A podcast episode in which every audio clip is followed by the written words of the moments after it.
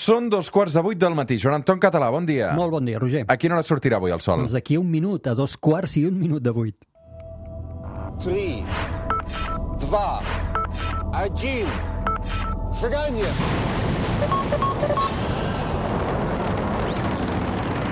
One small step for man, one giant leap for mankind. Això és La Terra es plana, amb el Joan Anton Català. Cada diumenge a l'hora que surt el sol, avui, més puntuals que mai, parlem de ciència, d'astronomia, d'astrofísica, de química i del que faci falta amb un home que és un divulgador extraordinari i que ja és la quarta temporada que ens acompanya al suplement. Tot bé, Joan Anton? Tot bé, gràcies per l'extraordinari. Mm, Ja saps que em, em, em poso vermell quan escolto aquestes coses, eh? Avui et poso banda sonora, va.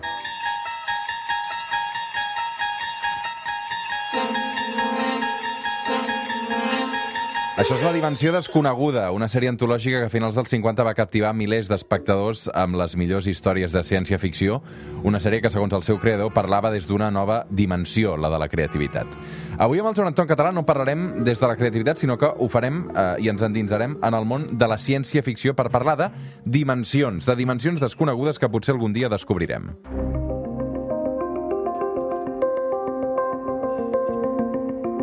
Creativitat, una mica avui, imaginació, deixar volar coloms Sí, senyor. i... En fi, a mi això em costa a vegades, eh? però No. intentaré entrar-hi. Aquest programa és d'aquells facilots des del punt de No, vista sí, que, sí. és de fa- és d'imaginació, aquí val tot. Doncs va, uh, imaginem. Uh, um, és a dir, a mi em costa imaginar una dimensió més enllà de la que ja coneixem, tot i que la ciència-ficció s'ha encarregat de fer-ho infinitat de vegades, no? Doncs has d'estar tranquil, perquè a mi també em costa i és normal que ens costi perquè mai no podrem entendre una nova dimensió. A veure, nosaltres vivim en un món de tres dimensions espacials. Són les dimensions que utilitzem eh, a la dreta, a l'esquerra, a dalt i al davant, al, darrere, diríem. Eh, per nosaltres, viure en un món de tres dimensions és el normal. La qüestió és que si existís un món de quatre dimensions espacials i algun ésser vingués a explicar-m'ho, jo mai no ho podria entendre, perquè el meu cervell està condicionat a entendre només les tres dimensions en les, en les que visco. És com si un habitant d'un full de paper, d'un món de dues dimensions, que per cert és un exemple que utilitzarem durant el programa, li intentéssim explicar a aquest habitant que està dibuixat sobre un full de paper que hi ha a dalt i a baix. Mai no ho podria entendre. És impossible. Per tant, mm, la ciència-ficció se n'encarrega de que puguem obrir la ment, però és normal que ens costi imaginar com seria, si és que existeix, una altra dimensió. Per tant, eh, no són ben bé tres dimensions, sinó que en són quatre, no? Clar, aquesta és una de les claus, perquè jo, fixa't que he utilitzat la paraula espacials, tres eh, eh, dimensions espacials, però en veritat nosaltres vivim en, un món de quatre dimensions, això la física moderna ja ens ho va explicar a començaments del segle XX. La quarta dimensió és el temps. Per tant, vivim en un univers, el nostre univers, que té tres dimensions d'espai i una temporal, una de temps. Aquesta quarta dimensió de temps és superxula, és increïble, perquè avancem constantment al llarg d'aquesta dimensió. No podem aturar la vida. I la vida fa tic, tic, tic, i avancem a una velocitat exacta d'un segon de vida per cada segon de temps. Fixa't que diferent que és aquesta dimensió de les altres. Les altres tu pots estar aturat, el temps no, és molt diferent. Però en realitat hem d'imaginar a l'univers, el nostre, la natura, com si fos una tela, com si fos una construcció on hi ha quatre dimensions. Tres d'espai, una de temps. Mm. Aquesta quarta dimensió, la temporal, precisament, eh, és diferent de les altres. Sí, com veiem, és una que avança sempre, no té cap mena d'aturador. A més a més, no ens permet tirar enrere. Les altres tu pots tirar endavant o enrere, pots accelerar cap al davant o cap al darrere. La del temps fins on nosaltres sapiguem no. I, a més, utilitzem per mesurar un rellotge, mentre les altres tres utilitzem un, un, un regle, no? una cinta de, de mesurar. Per tant, són enormement diferents les quatre. I les quatre juntes, aquesta tela que et deia, eh, en anomenem espai-temps. És el concepte d'espai-temps, que és aquesta tela que ho formaria tot, on aquestes quatre dimensions estan barrejades i a pesar de ser diferents i que una d'elles, la temporal, sigui tan diferent a les de més, està barrejada amb aquestes quatre i forma el nostre, eh, la nostra natura, el nostre espai i temps. Això són conceptes que ja ens provenen, com et dic, de la física de començament del segle XX, a Albert Einstein especialment, que la va utilitzar molt per desenvolupar tota la seva relativitat, tant primer la relativitat esp- espacial com la general després. Existeixen també més eh, dimensions espacials? Val, ara anem... Correcte, ara deixem el temps, oblidem d'aquí aquesta quarta dimensió i anem a les tres, a les tres d'espai, que són les que anem a discutir. Tu preguntes ara, en poden existir més? Sí, perquè, fixa-t'hi, el fet de que jo no les pugui entendre no nega la seva existència. Ens convertiríem en la Inquisició, no? En, en dir, no, això és un tabú. No, simplement que és molt probable, o segur, que jo no la podria mai entendre. Eh, de nou, l'ésser de dues dimensions que viu en un full de paper viu feliç sense saber que en realitat n'hi ha tres de dimensions la tercera que mai no podrà entendre, però hi és. Per tant, la resposta a la teva pregunta sí, podrien existir. És a dir, podríem arribar a deduir l'existència d'una nova dimensió espacial? Sí. Ah, cura, sí, però fixa't, una cosa que existeix i ara m'estàs preguntant si la podríem arribar a deduir, a confirmar que existeix. La resposta torna a ser que sí, però és complicat. Aquesta és més complicada perquè aquí hem de buscar pisc, pistes, perquè com que nosaltres ens estem movent en un món de tres dimensions, com dèiem abans, si és que n'existeix una quarta, clar, la pregunta és com la busquem? I aquí hem d'anar a remenar pistes que la natura ens hagi pogut deixar. A veure, i, i mm, com es pot deduir això? Que, No- que costa tant d'entendre. Correcte, llavors hem, aquestes pistes, què podríem trobar? Mira, la forma, tornem al món imaginari d'un full de paper on, on viuen els nostres habitants de dues dimensions. Nosaltres, éssers de tres dimensions, éssers superiors, estripem el paper, fem una, petit, una petita estripada i deixem que el món de dues dimensions visqui tan panxo, tan tranquil. Potser, en algun moment, alguna de les objectes, de les coses que passi sobre el full, s'escaparà, arribarà a l'estripada de paper i sortirà del paper per sota. Desapareixerà del món de dues dimensions. Això serà extraordinari pels habitants del paper. No ho podran entendre. On ha desaparegut això?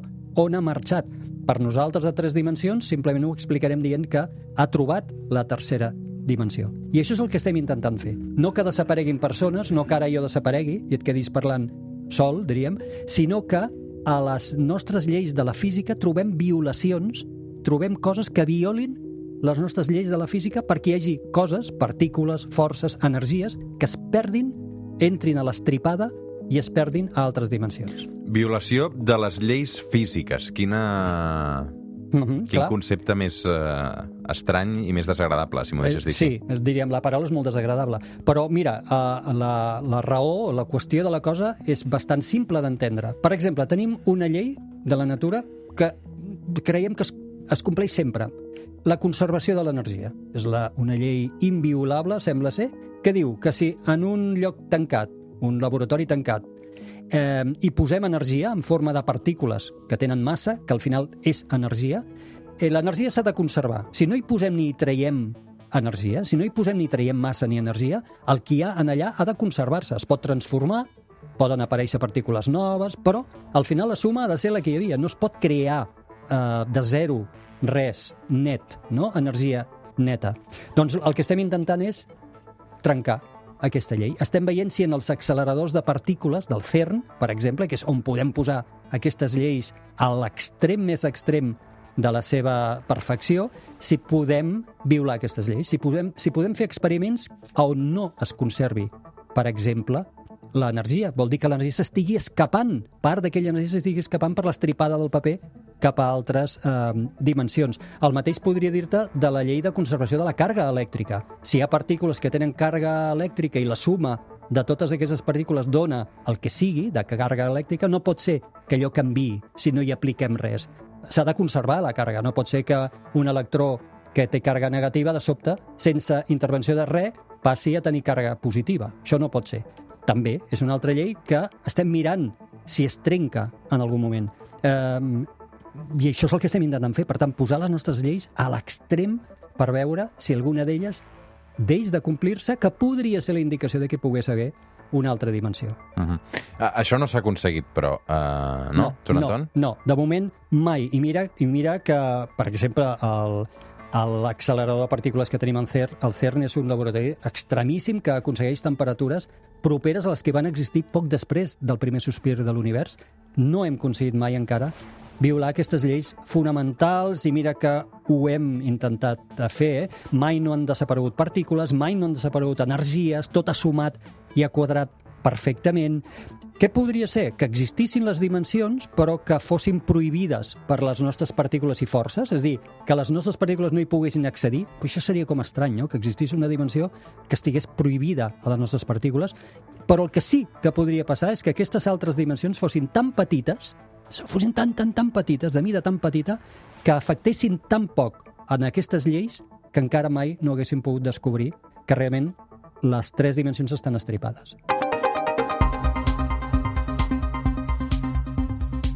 Som al suplement, som a Catalunya Ràdio, això és la Terra Esplana, avui amb el Joan Anton Català parlant de les altres dimensions. Un altre concepte que posem damunt la taula.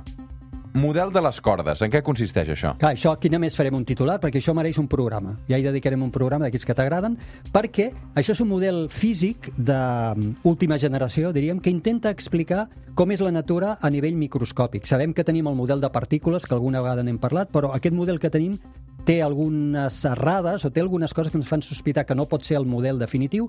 El model de cordes diu que les partícules al final serien, per entendre'ns, com petites cordes que vibren i de la forma que vibren és el que els dona la naturalesa de si és un electró, o és un quark, o és un neutrí, la forma en què vibren. Dit això, són teories complexíssimes que perquè funcionin necessiten obligadament que existeixin més dimensions. D'entrada, algunes de les teories de cordes n'exigeixen 6 de dimensions, la majoria d'elles n'exigeixen 10 de dimensions, alguna d'elles fins i tot 11. Ja et dic un dia hi dedicarem un capítol a explicar més en detall tot això. Eh, però t'haig de dir que fa molts anys que parlem de teoria de cordes, hi ha molts científics dedicant la vida en sencera amb això i encara no s'ha obtingut res que digui sí, anem bé. De fet, t'haig de dir que hi ha científics que han dedicat tota la seva vida a això i que comencen a dir que estan perdent la vida. És dir, que estan seguint un camí que no té sortida. La teoria de cordes va aparèixer com la gran promesa i actualment és... Ui, ui, vols dir, vols dir? Eh, però, bueno, eh, que sàpigues que existeixen aquests models de física de partícules que exigirien que existissin més dimensions d'aquestes diminutes, petites. Mm.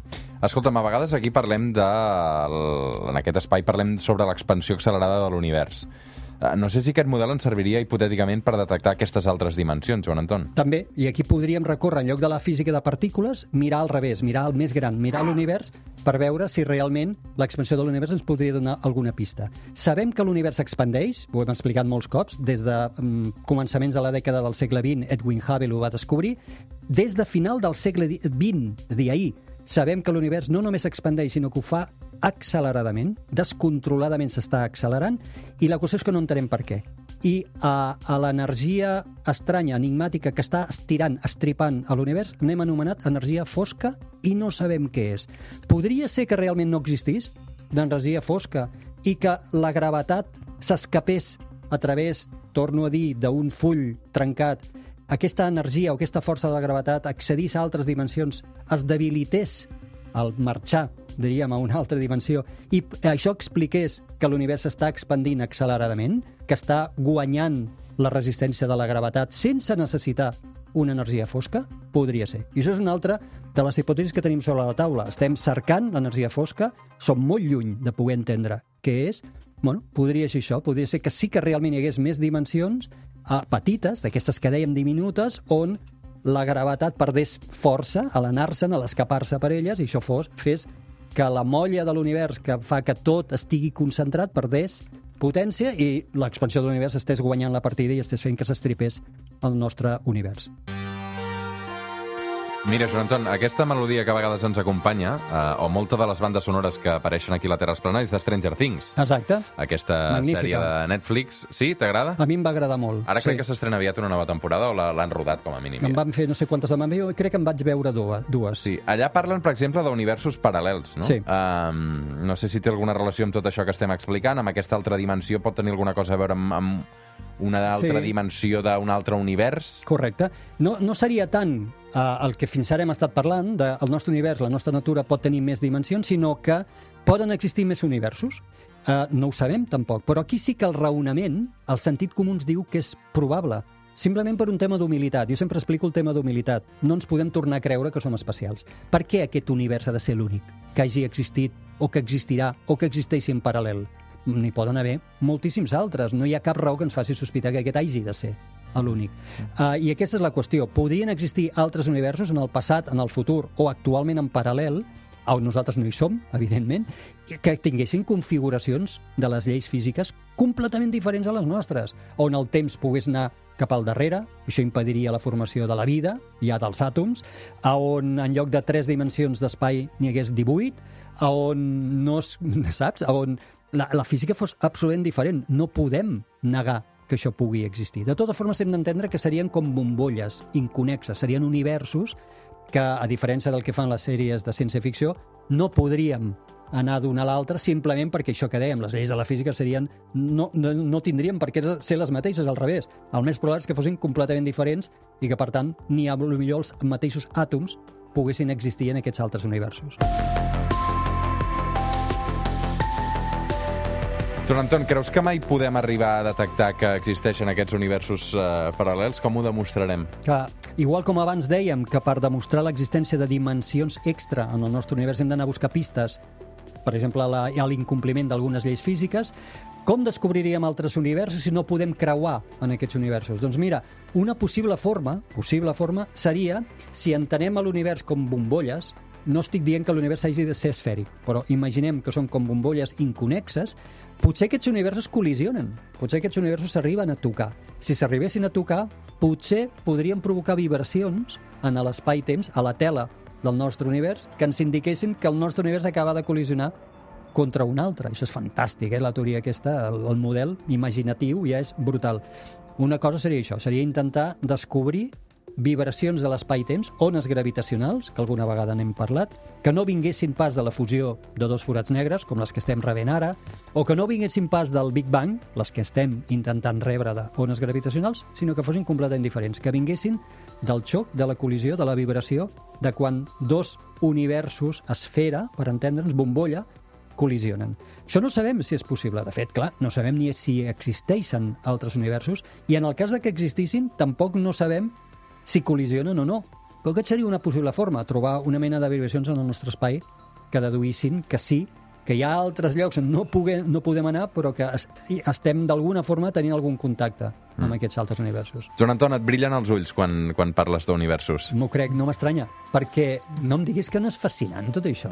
Sí, sí. Però fixa't el que dèiem al començament del programa, imaginació el poder.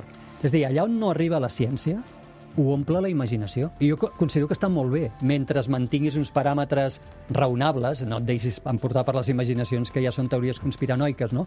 Però omplir aquesta cosa en la imaginació és brutal. La, la ciència-ficció, el cine, les sèries, eh, ho deu haver fet molt malament també moltes vegades. no? Bueno, sí, a veure, ja totes les pel·lis tenen un assessor científic, un o varis, que s'ho deuen passar fatal, pobres, perquè, clar, la seva funció deu ser, uf, això que no és així, que no és Posar així. pals a les rodes tota l'estona. Clar, i el productor deu dir, calla't, eh, per això serà així, no? Per això tenim pífies tan importants, alguna vegada hem fet algun programa de pífies, d'algunes pel·lícules modernes, per exemple, entre parèntesis, Gravity, tanco parèntesis, que justament dient-se Gravity fan unes pífies sobre la gravetat que són imperdonables per una pel·lícula moderna. Dit això, considero que la ciència-ficció és un element brutal d'activar la imaginació, com dèiem abans, i de volar. I tot el que sigui volar amb la imaginació, considero que és positiu. Joan Anton, va, tanquem. Què hi passarà aquesta setmana al cel? Molt bé, doncs, aquest vespre i demà al vespre, una fina lluna creixent al costat primer de Venus, quan es faci fos sobre l'oest, i llavors dimecres i dijous la lluna, que anirà creixent cada dia, lògicament, es anirà movent cap al sud i visitarà, per aquest ordre, Saturn i Júpiter durant la primera part del vespre mirant al sud. Recordem que tenim Mercuri molt baix sobre l'est abans de la sortida de sol per qui mai no l'hagi pogut veure. Doncs ben atents, eh, també aquests dies que, que s'escurcen i aquestes nits més llargues que ens permeten observar el cel. Gràcies, Joan Anton. A tu. Fem una pausa i de seguida tornem al suplement.